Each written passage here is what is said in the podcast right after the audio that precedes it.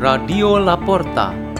The door is open for you for the growing of knowledge and wisdom of God. Delivered by students of SMP Santa Maria Surabaya, Diocese of Surabaya and Father Peter Tukan SDB from Diocese of Rutan, Indonesia.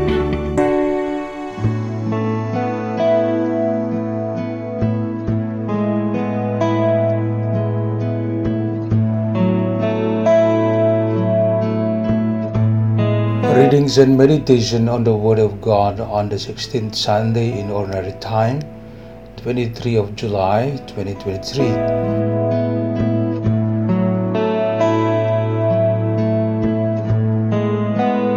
A reading is taken from the Book of Wisdom.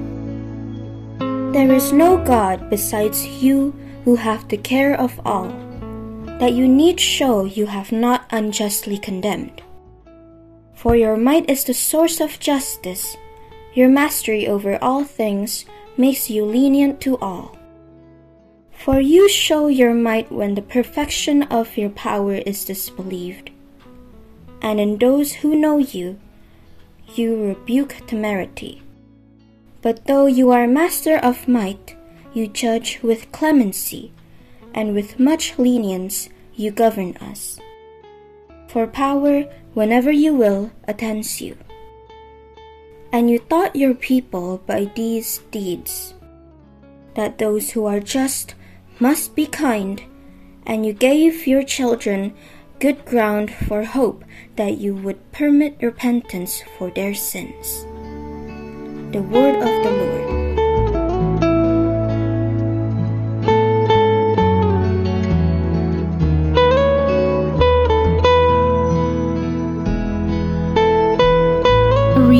Is taken from the letter of St. Paul to the Romans, chapter 8, 26 to 27. Brothers and sisters, the Spirit comes to the aid of our weakness, for we do not know how to pray as we ought, but the Spirit Himself intercedes with inexpressible groanings. And the one who searches hearts knows what is the intention of the Spirit, because He intercedes for the holy ones according to God's will. The Word of the Lord.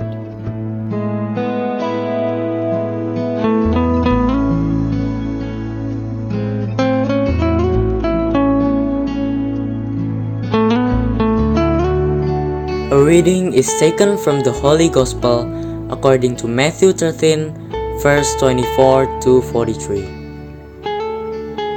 Jesus proposed another parable to the crowds, saying, The kingdom of heaven may be likened to a man who sowed good seed in his field.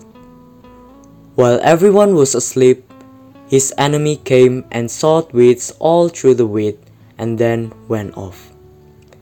When the crop grew and bore fruit, the weeds appeared as well. The slaves of the householder came to him and said, Master, did you not sow good seed in your field? Where have the weeds come from? He answered, An enemy has done this. His slaves said to him, Do you want us to go and pull them up? He replied, No. If you pull up the weeds, you might uproot the wheat along with them. Let them grow together until harvest. Then, at harvest time, I will say to the harvesters, First, collect the weeds and tie them in bundles for burning, but gather the wheat into my barn. The Gospel of the Lord.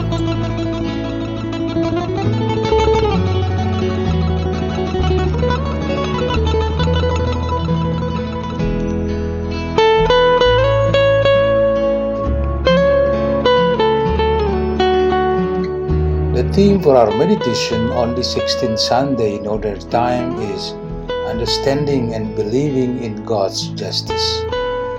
We understand and believe that God's justice is true. There is also justice in this world, and we also believe and understand that. In this world, we follow the justice of the world, but we also obey the justice of God that guarantees our destiny after death. What is God's justice? We depart from the understanding that God knows and allows humans to be tempted by demons or evil spirits. By being tempted, man learns to be strong and to endure the truth. Injustice occurs because humans sin. Those who are deceived by Satan commit acts against the rules and cause trouble to others.